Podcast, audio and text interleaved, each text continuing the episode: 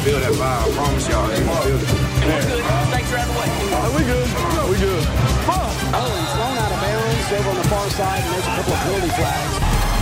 This is totally out of control. Right on, right on everybody och varmt välkomna till denna succépodd som heter vadå? NFL med Gnistan. Och undertecknad sheriffen. Du Gnistan Olsson, innan du säger något så ska jag säga tack. Ja, varsågod, varsågod. Du menar för den kvarten du fick extra just eh, nu innan vi gjorde avsnittet för att du käkade pizza med Richie Puss? Nej, jag tänkte mest för att vi har sparat det bästa till sist. Vi ska ju inte gå igenom Dolphins den här veckan, utan det blir nästa vecka. Vet du. Ja, du menar så. Nej, jag tänkte så här att eh, helst av allt hade jag velat gå igenom Green Bay Packers nästa vecka.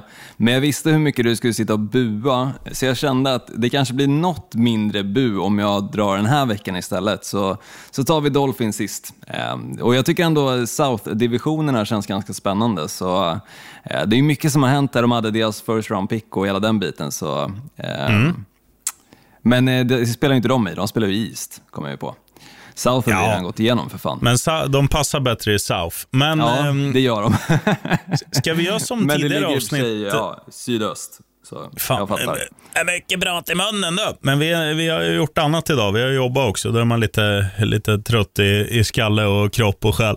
Eh, jag tänkte säga så här, Olsson. Vi gör väl som de andra avsnitten att vi, vi kör lite nyheter initialt och sen går vi in på divisionerna idag som handlar om North. Yes, precis. Så eh, lite nyheter till att börja med då. Eh, Carson Wentz är tillbaka och tränar försiktigt tillsammans med Colts, vilket talar för att han med stor sannolikhet kan vara redo för vecka ett. Såklart positivt för alla Colt-fans. Dock, Quentin Nelson saknas fortfarande, alltså deras O-line beast.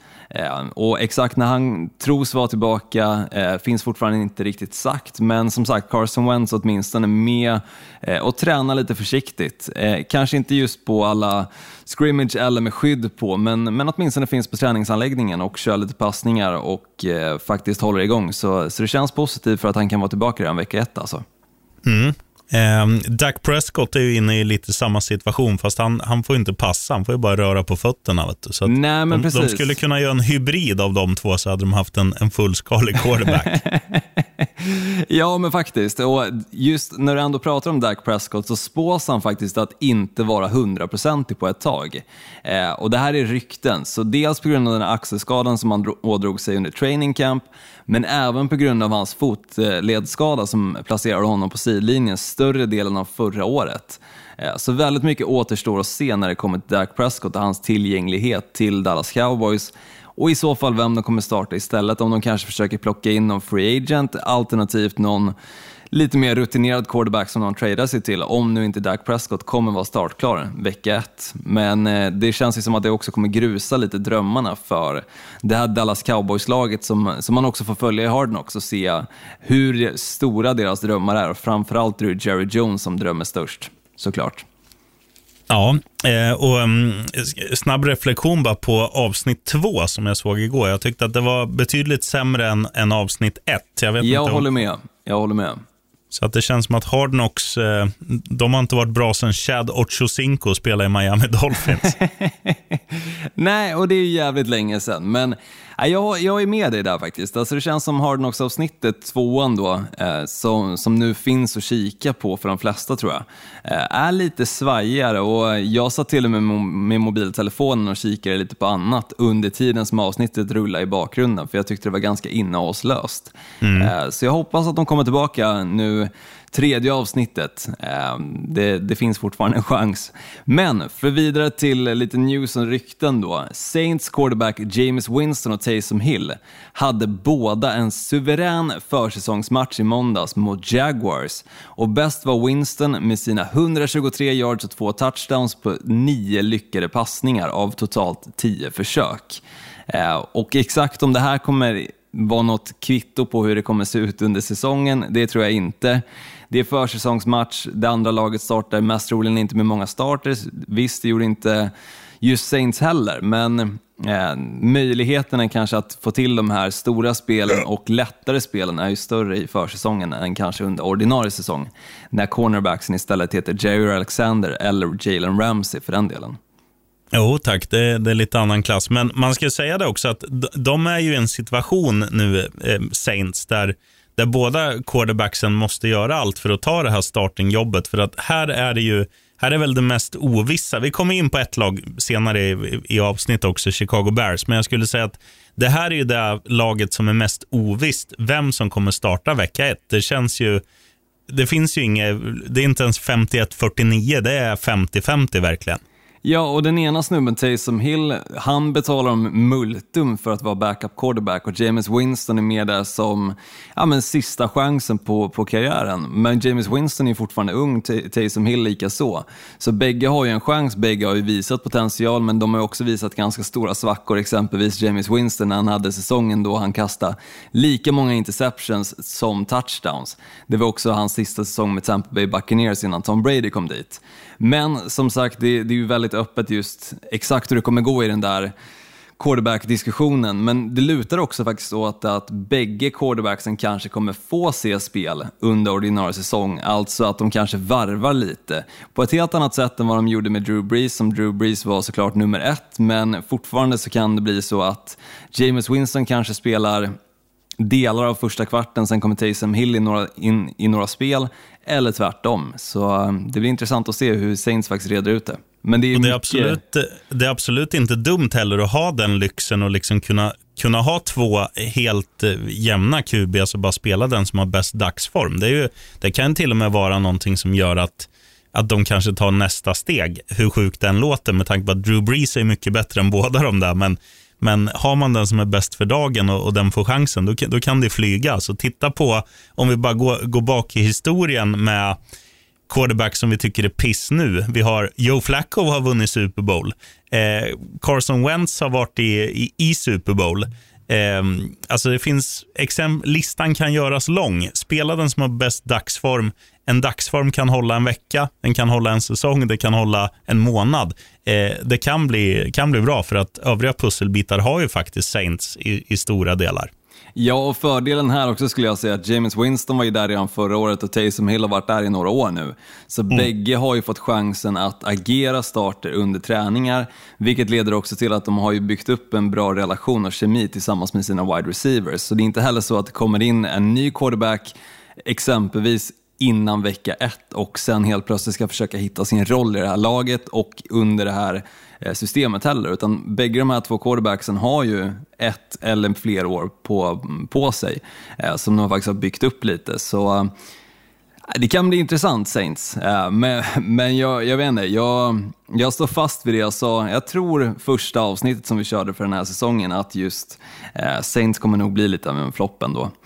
Gå vidare lite. Eh, den som glänste ändå mest under vecka två av försäsongen var faktiskt Mitchell Trubisky, tror det eller ej. Som mm. återvände till Chicago, nu som Bills backup quarterback, väl där gjorde han nog många Bears-supportrar upprörda då han kastade 221 yards på 20 lyckade passningar för en touchdown medan Bears quarterbacks Fields och Dalton totalt passade för 226 yards med en touchdown och en interception. Så han själv var nästan bättre, eh, eller var egentligen bättre såklart med tanke på att han inte hade en interception, än bägge quarterbacksen tillsammans i Chicago Bears. Eh, frågan är, betyder det att Bears borde behållit Mitchell Trubisky? Nej, för Justin Fields känns så mycket bättre. Ehm, men fortfarande, det verkar som att Dalton kommer få starta vecka ett. Mm, men det kommer vi komma in på, vet du, Dr. Olsson. Självfallet, men jag måste också bara nämna att Jets rookie quarterback, bara för att fortsätta quarterback-trädet här som vi dammar av ganska snabbt. Zach Wilson, eh, han som draftades eh, i första rundan av Jets såklart, eh, tredje overall tror jag de hade, eh, eller om det till och med var andra overall eh, faktiskt. Han hade i alla fall 128 yards på nio lyckade passningar och två stycken touchdowns. Eh, så det känns lite som att de ändå hittat rätt när det kommer till just quarterbacken för det här New York Jets och att de gjorde också rätt med att göra sig av med Sam Darnold för att satsa på någon ny, ung och hungrig. Nog för att Sam Darnold bara är 22 år gammal. Eh, men sen måste jag också bara snabbt flika in att jag läste precis innan vi drog igång avsnittet att Travis Etienne, Jaguars first round eh, pick som running back då, eh, mest troligen är borta hela säsongen på grund av skada. Så tråkigt för de som har exempelvis haft en fantasy draft ganska nyligen och plockat just honom. Det är bara att sätta honom på injury reserve-listan. Och så tar ni en Gaskins istället från Dolphins, för han hade också en jävla Två fin Två stycken andra touchdowns. Vecka. Vem tror du försökte drafta honom igår när det var sista draften för, eh, för detta år? Jo, jag. Vem plockade honom innan? Jo, någon Knutte. annan. Nej, inte Knutte. Han var faktiskt inte med i den här ligan, så det var skönt. Eh, men nog snackat om rykten, news och fantasy. Ska vi dyka direkt in i en av divisionerna, alltså North-divisionerna? Du får välja AFC eller NFC först. Um, jag väljer den som eh, Green Bay spelar i, men först eh, innan jag listar ut om det är, jo det är NFC de spelar i, det vet jag ju om jag hade tänkt. Men det jag skulle vilja flika in bara så att folk vet att vi inte har missat det, det är ju det här eh, situationen med Antonio Brown som har nitat en en Tennessee Titan i en sån här scrimmage mot ett annat lag. Och Jag tycker inte vi behöver gå in jättedjupt på det där, för de, de flesta som är intresserade har säkert sett det och annars kan man enkelt på YouTube bara skriva Antonio Brown Titans punch eller något i den stilen. Eh, men eh, ja, Antonio Brown är Antonio Brown. Det är bara, det är bara att konstatera. Ja, det är lite så och eh, han kan gå och vinna Super Bowls, han kan gå och vinna vilka priser som helst. Han fortsätter vara Antonio Brown, han fortsätter skapa rubriker och eh, också mycket eh, ja, frustration, förstår jag det som, eh, såklart från sina medspelare men också eh, i det här fallet motspelare eh, mm. som faktiskt får stryk. Eh, tråkigt att sånt sker men det är en väldigt alltså, intensiv, eh, tuff sport och man är ju väldigt fysisk också. Så att sånt här händer, det gör det. Eh, men just att det är Antonio Brown eh, blir ju såklart mer negativt än eh, någon annan spelare med tanke på hur mycket negativt det varit kring honom på senaste tiden. Mm. Och, så, och, och, Jag tycker också det där att nu, så här, nu känns det som att han har vunnit sin Super Bowl. Borde man då inte kunna, kunna bli lite mer så här, alltså borsta av sig det där som, som om det kommer mjäll från håbotten ungefär. Att man inte behöver liksom överreagera på varenda situation. Om vi, om vi bara tar sista Hardnox-avsnittet nu, avsnitt två, för dig som inte har sett det, så, så gör ju Alltså Dallas kör ju en sån där scrimmage mot LA Rams och det är tuffa tag där också. Men det blir ju inte att folk nitar varandra. Det blir så här, okej, okay, du gjorde en tuff tackling på mig, man klappar om varandra eh, även om tränarna behöver gå in och skrika lite, att nu får ni fan lugna ner er och vara lite eh, vi tränar, vi gör det här inte för att skada varandra, vi gör det här för att bli bättre inför säsongen. Att man tycker att Antonio Brown i det här läget när de gör samma sak mot Tennessee, att man måste kunna hålla sina känslor i styr. Det, det gäller, alltså, han kan bara förlora på att reagera. Absolut, så är det. Och framförallt när, när han heter Antonio Brown också med allting som har, som har hänt som sagt. Ryktet han har just nu också. Mm. Eh, så är det här det absolut sämsta han kan göra. För det kan ju innebära att hans tid i Tampa Bay Buccaneers kanske är över på grund av en sån här incident. Och då... jag, tror, jag tror hela hans NFL-karriär är över tack vare det här eller på grund av det här. Och Jag tror också att nu, nu kommer han acceptera det med tanke på att han har sin Super Bowl-ring och då, då kan han lägga ja, glovesen på hyllan. Jag tror faktiskt inte han gör det. Alltså sjukt nog så känner jag att Antonio Brown är en sån spelare så, så ju mer han får, eller typ av person, ju mer han får, ju mer vill han ha. Eh, så har han vunnit en Super Bowl, då måste han vinna minst en till, gärna två. Gärna lika många som Tom Brady kanske till och med. Eh, och samma sak, får han ett multumkontrakt, nej men då ska han nästa år ha mer. Eh, jag det tror ingen vågar en... signa en sån spelare nu. Jag tror att nej, det här var droppen som fick bägaren att rinna över. Han får gå till typ Kanada och spela, vad heter det, CFL?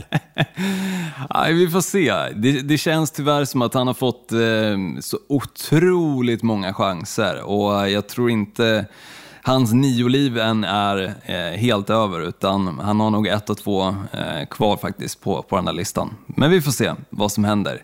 Nu, sheriffen, tycker jag att vi går in på NFC North då. Du Mm. får eh, inleda den här divisionen, så tar jag nästa och inleder. Ska jag inleda med att säga boo, för vi går ju uppifrån och ner. Jag tror nämligen att Green Bay Packers vinner. Och Anledningen är ju så här att det finns ju några, alltså några som tillhör ligans yttersta elit. Det är Aaron Rodgers, det är, vad heter han, Jamal Adams och det är Aaron Davant- Jones. Davante Adams. Förlåt. Eh, och sen är ju också Randall Cobb tillbaka eh, till den här säsongen. Får inte glömma Och- Jerry Alexander, deras cornerback, eller? Nej, men om, nu, snackar Magiskt. vi de, nu snackar vi de offensiva Olsson. Just det. Och då är det så här att de här fyra är ju, tillhör ju ligans alltså, bästa anfallsvapen, anfalls, vad ska man säga, liksom, ja, men som, som kvartett så är de där väldigt svårstoppade. Eh, och Jag tror att när Cobb kommer in nu så får de liksom ytterligare en, en eh, ytterligare en division, säger man inte, man säger dimension. Eh, och Det kommer göra att de kommer göra ännu fler poäng i år. Och eh, Green Bay, som du säkert vet, de är bättre framåt än bakåt. Det, det gäller att göra poäng för att de ska vinna matcher. Och Med de här fyra så garanterar det nästan att det blir nätrassel. Så att jag tror att de vinner divisionen. Jag tror de gör det på 12 segrar, 5 förluster. Mm, spännande. Jag, jag är helt enig med det du säger. Jag tror, precis som du säger, Cobb, den, den dimensionen som han kommer in med, också som slot receiver, vilket har behövts lite i Green Bay Packers, nog för att Davante Adams har ställt upp som slot receiver x antal gånger och gjort det väldigt bra också, men just att kunna ha en spelare som såklart Aaron, Aaron Rodgers känner så pass väl, han är ju bundis verkligen med Randall Cobb eh, gör ju sitt. Alltså den, den kemin, det förtroendet och allting kom, kommer göra sitt. Och även fast han kanske inte har tusen exempelvis receiving yards så tror jag att hans påverkan i locker room, hans påverkan eh, på sidlinjen kommer att visa sig under den här säsongen och också under slutspelet. Just den rutinen som Randall Cobb kommer med. Eh, jag, tror, jag tror det blir farligt Green Bay i år, så jag är enig. Det tror Olsson alltid. Eh, Har du, eller ja, vi ska gå in på vad du har tippat sen. Men vi går till de som är tvåa i divisionen och nu ska du få höra ytterligare ett ljud. Minnesota Vikings. Eh, Egentligen samma motivering som, som när det gäller Green Bay, bara att de har andra spelare. De har Adam Thielen som är jättebra, de har Justin Jefferson som är jättebra. Det är två wide receivers och deras running back Dalvin Cook, kanske bäst i ligan. Eh, men de har ju inte Aaron Rodgers, utan de har ju Kurre Kusin, Kurt Cousins. Och han är ju inte lika bra som eh, Rogga. Så um, ja, det kommer göras poäng eh, även för Vikings, men inte i samma liksom, magnitud som Green Bay. Och annars, ja, jag tycker de är ganska, ganska lika. De är bättre än de andra två i divisionen, så jag kan inte se något annat scenario än att Vikings blir tvåa. De blir det på 11-6. Oj, det är ändå bra för, för vår Vikings. Alltså med tanke på att den här säsongen slutar om 7-9. Så det är Mm. en klar förbättring. Det är det, men de, de, måste, alltså de floppade lite förra säsongen. Jag, jag med flera tror jag såg dem som ett bättre lag. Om man liksom litar på sina egna ögon och inte på den statistiken vinster kontra förluster. Att det kändes som att de vann fler matcher. Eh, och Det ska sägas också att Kirk, eh, Kirk Cousins var han var riktigt dålig många matcher förra året, så att det, blir han bara lite vassare så kommer det generera lite vinster också. Plus att Justin Jefferson nu är ett år äldre och förmodligen ett år bättre och han var ri- riktigt jävla bra förra året. Och Det var han. Det var han Thielen är bra, Cook är bra, de blir svårstoppade. Eh, Bears däremot, vi var inne på det, eller framförallt var du inne på det. Fields eller Dalton? Man tycker ju att ja, det första borde man gå på, men icke enligt rapporterna. Det sägs att Andy Dalton förväntas starta vecka ett. Och när det är liksom det ena av nyförvärven som skriker, eller ja, som de hypar upp själva. Och den andra är Desmond Trufant, en försvarare som är ja, mest känd för att vara dålig, tycker jag. Då, då känns det, i alla fall överskattad. Han kanske inte är dålig, men han är överskattad. Detsamma gäller ju Andy Dalton. Då känner man så här, Chicago Bears, ni hade någonting. Alltså, jag vet inte, jag kan inte sätta fingret på det. Det är liksom osexigt sexigt. Det är dåligt fast ändå inte. Ni har, de hade någonting. Men nu känns det som att så här, nej, de värvar fel. Eh, Det här är precis alltså, två spelare man ska undvika att ta in till ett lag som känns spännande och på gång. Nu känns de inte jättespännande och på gång, men de var mer så för ett år sedan än vad de är nu med de här två spelarna i Bears. De har ändå någonting som sagt. Eh, jag tror att de är bättre än Lions. Jag tror att de kanske vinner sju matcher, förlorar tio, blir trea i divisionen. Mm. Alltså, jag måste bara flika in här, jag förstår inte vad Bears håller på med faktiskt. Alltså, precis som du säger, Dalton eller Fields, det är väl en no-brainer känner jag. Mm. Du har ju draftat Fields av en anledning och det var ju för att Mr. Trubisky inte funkar. Men du inleder på exakt samma sätt som du gjorde med Mr. Trubisky, som du också draftade tidigt i första rundan, nämligen att låta en avdankad gammal quarterback som inte har någonting att leverera i den här ligan längre starta först först och sen mm. får den nyförvärvade, upphypade quarterbacken komma in senare och försöka rädda säsongen som förmodligen redan är över. De borde ha lärt sig av det misstaget som de gjorde med just Mitchell Trubisky. Jag förstår inte hur, de, hur, hur, tankarna går i det där laget just nu. Alltså. Nej, mycket eh, flummigt. Ja, verkligen. Men eh, Lions då, sheriffen? Om vi eh, skuttar vidare. Är, ja. är det ljusare där på något sätt? Nej, alltså det är dystert även i Motown. Och, äh, ja, men så här är det. Jared Goff vet ju alla har kommit dit istället för Matt Stafford. Vi var inne på det när, när vi snackade Stafford i LA Rams. Att jag tror inte att han kommer göra det mycket bättre än Goff. Och jag tror därför inte att Goff kommer göra det mycket bättre än Stafford. Jag tror till och med han kommer göra det något sämre. Eh, men, eh, där man kan säga så här. Alltså, även om han skulle gå in och vara lika bra som Matt Stafford så har Detroit någonting emot sig i år som man, som man liksom inte unnar ett, ett skitlag. De har ett väldigt tufft schema. Eh, och um, det kan man liksom inte, det kan inte Jared Goff rå för. Så att det kommer bli väldigt många förluster, men jag tror ändå att de, de är okej okay hemma i Ford Field och de har några spännande spelare. Så att, ja, de kanske vinner fem då. De vinner fem, förlorar tolv. Ja, lika många vinster, en mer förlust då med tanke på eh, säsongsschemat som det är just nu. Då. Med 17 ja. matcher helt enkelt. Precis som i år. Du då Olsson? Ja, men eh, jag kan väl börja och köra mina och så kör vi varsin bold prediction på, på den här divisionen. Då. Men jag är ju enig med dig exakt hur divisionen kommer att sluta. Green Bay Packers kommer vinna. Jag tror dock att de vinner en match mer än de gjorde förra året, året dessförinnan, nämligen att de vinner 14 matcher, förlorar 3. Anledningen till det, som sagt, Cobb, Adams, Jones, så länge de håller sig friska tillsammans med Rodgers så tror jag att de kommer spotta upp så mycket poäng på tavlan så att det kommer vara svårt för motståndarlagen att hänga med.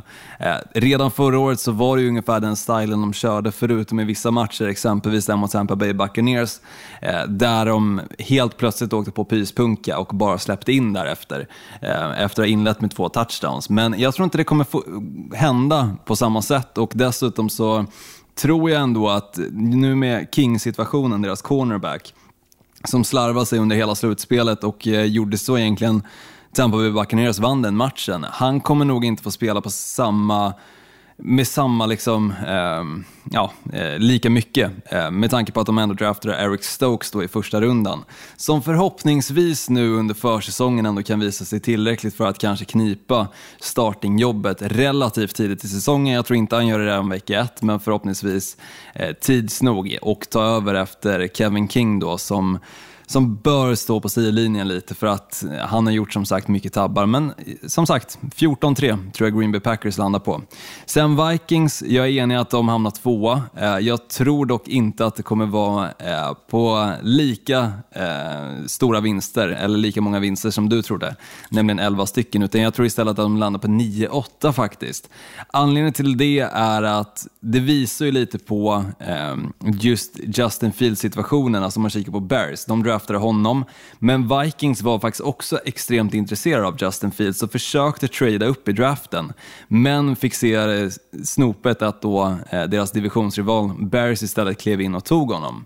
Eh, och det visar ju lite på vad de tycker och hur de värdesätter Kirk Cousins just nu. När de ändå försöker drafta en quarterback så pass tidigt och trada upp också. Visst, Green Bay Packers gjorde det för något år sedan, mm. men då gick ju Eh, Aaron Rodgers in och köra MVP-säsong istället. Jag tror inte Kirk Cousins gör det. Eh, för även fast han har de vapnen som du nämnde med Dalvin Cook, Adam Thielen och Justin Jefferson så tycker jag det här försvaret ser sämre ut än vad det gjorde förra året. Så jag tror att även fast de kanske spottar upp mycket poäng så tror jag att de släpper in nästan lika mycket, om inte eh, såklart mer i de flesta matcherna. Så eh, ja, 9-8 tror jag att de landar på i Jo, jo, slutändan. jo. Och med det sagt missa slutspelet också. Bears då å andra sidan, som sagt jag förstår inte riktigt hur de tänker, men jag tror samtidigt inte heller att det kommer vara en riktig floppsäsong, alltså att hamna, hamna sist i divisionen, utan jag tror att de landar på 7-9. Eh, Nej, och 10. 7-10 såklart. Tack sheriffen för att du ändå är med här och rättar till min matte som inte alltid hänger med.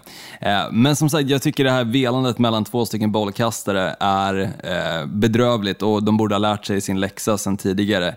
Eh, stabilt lag på många platser men, men kommer falla en hel del matcher ifrån att vara egentligen irrelevans och kommer fortsätta så några år framöver tror jag också. Lions däremot, i år är det ingen höjdare. De kommer sluta 6-11, där fick jag till matten också. Bra Eh, Olsson. Precis som du pratade om, Goff istället för Stafford, jag tror inte att det gör någon större skillnad. Eh, Men däremot den här traden på sikt kommer göra ganska stor skillnad för Lions tror jag. För att eh, de fick ju med eh, traden då tre stycken first round picks, ett använder de i år, eh, två stycken kommande eh, drafts som alltså eh, nästa år och året därefter. Eh, och jag tror med dem så kan de ändå bygga ett ganska stabilt lag. Såklart om inte Goff funkar så kan de drafta en quarterback ganska tidigt, förhoppningsvis antingen nästa år eller året därefter. Och eventuellt bygga för en eh, stabil framtid. Så, så jag tror ändå att de kan vara en contender, åtminstone för slutspelsplats om några år. Men inte i år som sagt. De landar på 6-11 och eh, en, en vinst mer än förra året bara. Där har du det. Då var vi alldeles för eniga. Det, här kommer vi dock inte vara eniga om när det kommer till bold prediction. Jag tänker inleda och säga så här, Olsson. Ja. Att Minnesota Vikings de kommer vinna båda matcherna mot Packers. Okej, ja men eh, det kan jag ändå se hända för, för springförsvaret var och har varit väldigt dåligt. Jag hoppas att det ser bättre ut i år, men gör inte det så kommer Dalvin Cook, precis som han gjorde förra året, springa över Green Bay Packers. Så det, det är en bra bold prediction, kanske lite safe dock. Min är kanske också lite safe i och för sig när jag tänker efter, men jag säger att Rodgers tar Packers hela vägen till Super Bowl och tangerar Favre med två spelare totalt.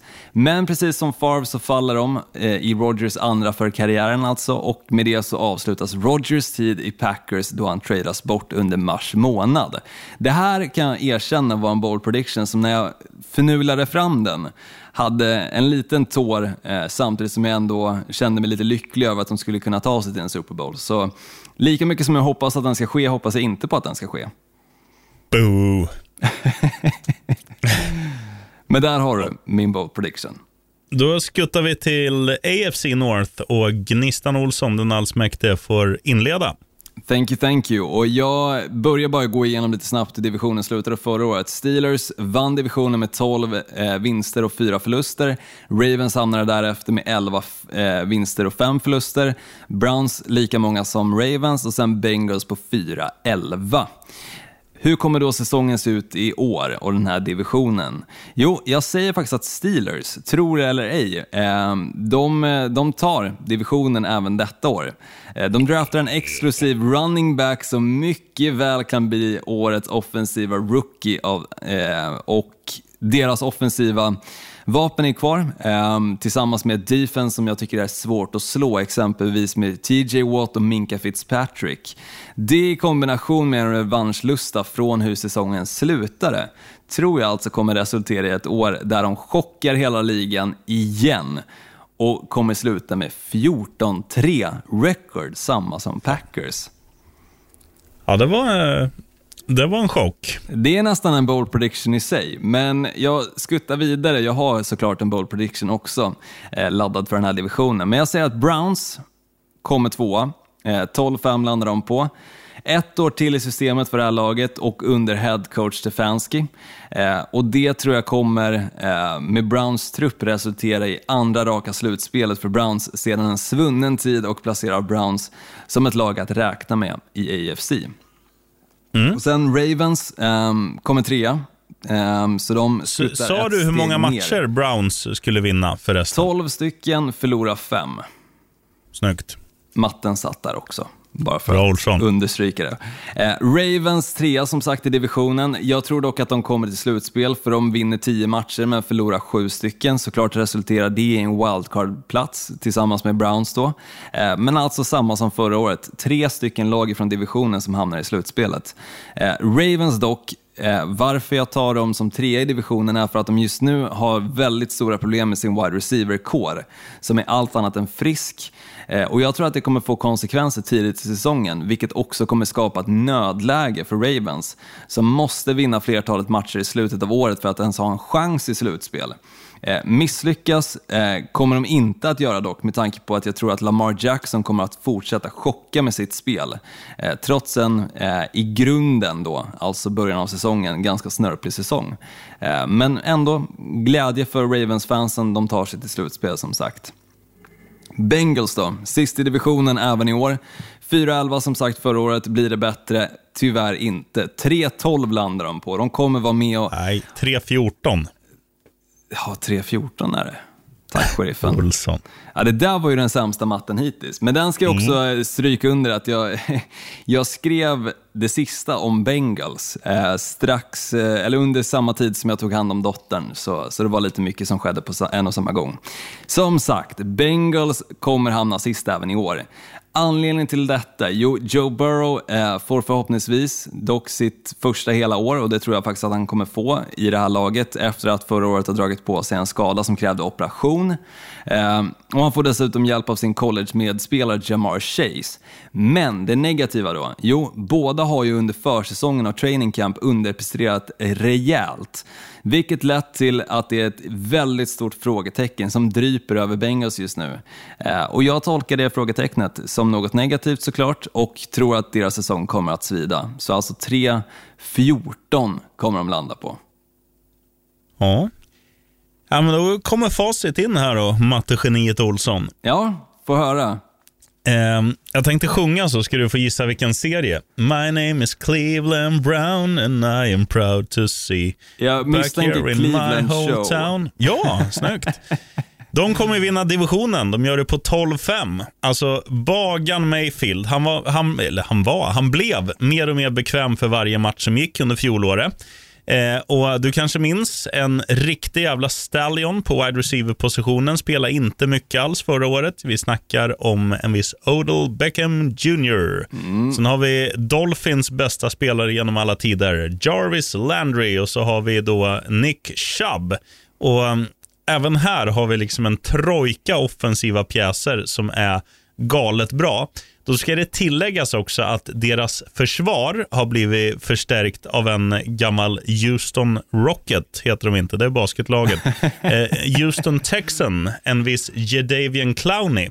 Och Han tillsammans med ja, men, några andra pusselbitar som gör att deras försvar känns ganska vast i år tycker jag. Så att både offensivt och defensivt och en Baker Mayfield på upp, uppåtgående. Jag ser inte hur eh, Browns inte ska vinna den här divisionen. Och som du sa, Kevin Stefanski, nya headcoachen, coach of the year i fjol, eh, har liksom fått det här att funka och nu har han liksom haft ännu en säsong eller ännu en sommar med grabbarna. Så att, eh, det här kommer bli bra. Jag tror det. Ja, och det här är dessutom eh, första året han faktiskt får träffa alla grabbar direkt de kommer till eh, alltså Browns.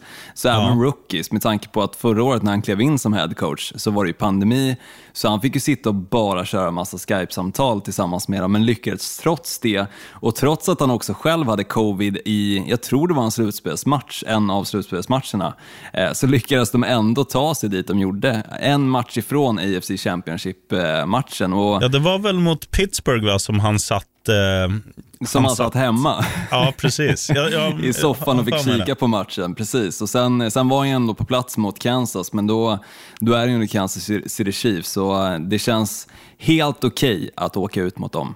Ändå. Hell yeah. Ja, men de vinner som sagt och tvåa tror jag blir Baltimore Ravens. Hög kapacitet, men lite för beroende av, av eh, quarterbacken Lamar Jackson och hans ben nu när de inte har, som du var inne på, några, några wide receivers att passa. Eh, så här är det. De, de, har ju, de saknar ju offensiv bredd. Det tror jag alla är eniga med. Men jag tror också att om man bara tittar tillbaka de här åren som Lamar Jackson har varit där, så har de ju, de har ju alltid saknat offensiv bredd. Men de är välcoachade, de är stabila och de är, alltså, ja, de, jag vet inte. Jag, jag blir inte klok på det här laget. Jag, jag tycker att jag tycker att Pittsburgh borde sluta före, men nej, Baltimore Ravens tilltalar mig mer än Pittsburgh. Det ja, gör de varje år, men framförallt i år. Du, du tycker det är, det är ett snyggare lag. Och, ja, och färgerna är snyggare. De har den på bägge sidor av hjälmen. Det har de. det är lite symmetri. Och lila, Fiorentina, det är läckert. Nej, men Pittsburgh ska vi gå in på nu. Så här är det. De senaste fem åren har jag sagt, nu är de väl fan för gamla. Sa jag Baltimore för, förresten 11-6? Ja. Om inte, 11-6. Yes. Mm. Pittsburgh Steelers 9-8. Så här är det. Senaste fem åren har Larsson sagt ordagrant, nu är de här gamla ketchupfarbröderna alldeles för gamla och dåliga och tråkiga och osymmetriska och fula och jävliga. Men, jag säger det igen. Eh, och Nu gör jag det utan att ha fog för det egentligen. för att, ja, men så här, de fick fram Chase Claypool och de har draftat han nya super running backen och de har liksom, nu har de ju grejer som, som känns rätt bra. Men jag tror att det kommer bli deras fall, för nu kommer säkert de här andra lagen, alltså med Browns och Ravens som största konkurrenter, eh, se Pittsburgh som ett, ett riktigt hot och, och kanske inte åka dit till ketchup country med, med ena handen i byxfickan, utan nu kommer man liksom strida, strida på riktigt och jag tror också att det kommer bli Pittsburghs fall, att de vinner nio matcher, förlorar åtta. Mm, alltså det är intressant att se vad som händer med Steelers. Jag tycker det är stora frågetecken i det laget är ju hur bra Big Ben kommer att spela. Eh, men just att de har täppt igen det där hålet som de hade på just running back-positionen. De fick ju inte igång springspelet förra året. Tycker jag att de har lyckats med nu med Najee Harris, som han heter. Eh, deras eh, ja, running back choice i, i själva draften som var då. Så jag, jag har, jag har hopp för Steelers och Steelers-fans, men, men jag skulle inte bli förvånad om det slutar som du säger heller, faktiskt. Men vi är väldigt eniga om att eh, det sämsta laget i den här divisionen, de morrar, och heter Cincinnati Bengals. Eh, jag tror att de vinner tre matcher, förlorar 14, 14 alltså, precis som Olsson, fast du räknade ut att de skulle förlora 12. Eh, och, ja, men vad ska man säga, stackars jävlar. Alltså, så här, inför fjolåren när de draftade Joe Burrow, när de draftade Joe Burrow, låter som att jag sitter i ja, jävla Värmland eller något. När de draftade Joe Burrow så hade fansen lite hopp men sen puff sa det så var korsbandet borta och fjolåret var, var borta. Och jag tror att ännu en dyster säsong väntar. För att nu är det så här, Joe Burrow är tillbaka, men han har varit dålig, det var du inne på. Mm. Och hans polare har också varit dålig. Och jag tror också så här att när du skadar dig så här tidigt i din karriär, när, när också egentligen allt i laget handlar om att du måste vara the guy. Du måste vara bra, du måste spotta in, eh, ja inte poäng, men du måste förse bollar till folk som kan göra poäng. Då tror jag att det här kommer bli en curse. Så att jag tror att vi har en Johnny Mansell situation här där Joe Burrow kommer göra lite för mycket. Kommer, han kanske inte går ut och super skallen av sig och, och försvinner ur ligan på det sättet. Men jag tror att, Nej, det tror jag. Jag, jag, tror att det blir jobbigt för honom. Jag tror att han, han kommer aldrig bli det Bengals hoppades på. Utan ja, men lite Carson bli... Wentz över honom kanske. Ja, nu ska ju Carson Wentz ändå ha cred för att han tog sitt lag Eh, till någonting. Jo, det gjorde i och för sig inte Joe Burrow förra året såklart, men jag menar Carson Wentz skadade sig tidigt, tidigt i, i uh, sin karriär och sen ja. dess har vi inte sett samma Carson Wentz. Vi har, vi har inte sett den Carson Wentz som vi såg den säsongen, hans andra år, då han tog sitt Philadelphia Eagles eh, nästan hela vägen själv till Super Bowl. Slutet såklart kom ju Nick Foles in där och hjälpte till, men, mm. men som sagt, det var ju en magisk säsong för honom. Han var ju på väg att vinna liga-MVP. Eh, men såklart, lite annan situation med Joe Burrow, men det känns ändå som att eh, kanske kan vara snarlikt där. Höga förväntningar, skala som sätter stopp och för, för framfarten helt enkelt. Och inte bara en skada som sätter stopp, utan han har hamnat i ett lag som, det finns ju liksom, känns inte som att det finns några fram, framtidsutsikter. Det här är ett jävla pisslag som har väldigt eh, jobbiga år framöver. Det är ju, ja jag vet inte. Jag, jag tycker synd om, om eh, Joe Burrow och jag tycker synd om Cincinnatis fans, framförallt din kompis, eh, vad heter han, Andy Biersack. Nej, jo, det heter han. Nej, Ja, det heter han jo, inte. heter Andy han. Black. Heter han Andy Biersack? Andy Biersack, men han håller ju också på Green Bay Packers. Så, så jag tror ändå att, jo det gör han, med tanke på att hans farsa är från Wisconsin. Så eh, han, eh, han är uppvuxen både med Cincinnati Bengals och Green Bay Packers. Så han, eh, han håller på lite bägge, men mest på Bengals faktiskt. Mm. Och jag tycker synd om honom. Ja, jag håller med. Eh, och eh, 3-14, jo det sa jag. Eh, då får du börja med bold prediction, Olsson. Ja, jag kör ju vidare faktiskt på, på Steelers här. Ehm, jag säger att som sagt de kommer vinna divisionen 14-3, dock med lite reservation för att det lika gärna kan sluta som du säger, sheriffen. Ehm, men som bold prediction då. Jag säger att Big Ben är på tapeten att bli ligans MVP då han briljerar med sitt Steelers som tar sig hela vägen till AFC Championship. Mm. Intressant. Jag är inne på samma människa, men helt tvärtom. jag tror att det där, den där bajamajan till människa, Big Ben, han kommer skada sig under den här säsongen. Och innan vi når slutet av säsongen så kommer han, så kommer han vifta vit flagg och avsluta karriären. Alltså, det, fy fan vilken liknelse, sheriffen. Bajamaja till människan. Han är ju det.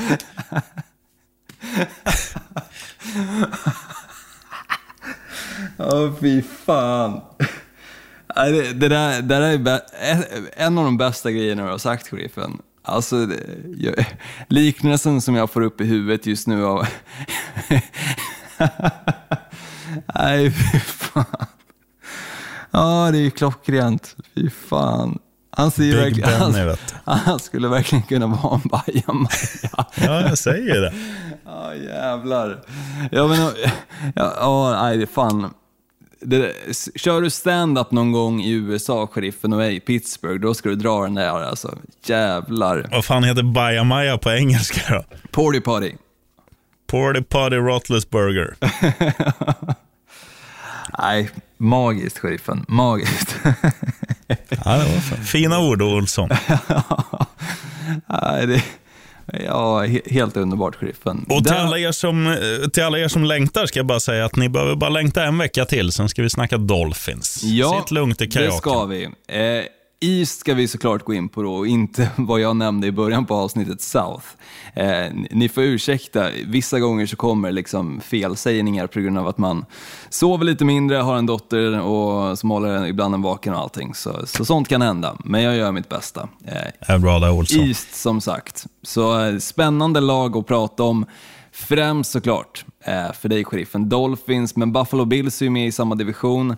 New England Patriots och Jets också. Eh, och jag tycker samtliga ändå har någonting på gång. Så eh, det är lite som eh, West som vi gick igenom förra året med NFC framförallt, så Förra känns det ändå året? som att Förra veckan, förlåt. Eh, så, så känns det ändå som att den är ganska öppen. Bills såklart ses ju som favoriter, men jag tycker att samtliga ändå har, har som sagt någonting på gång. Så, så det blir kul att snacka om. Det blir jävligt nice. Och eh, ja, vi ska väl runda av här så en annan får gå på Big Ben och så hörs vi om en vecka. Skål! right on.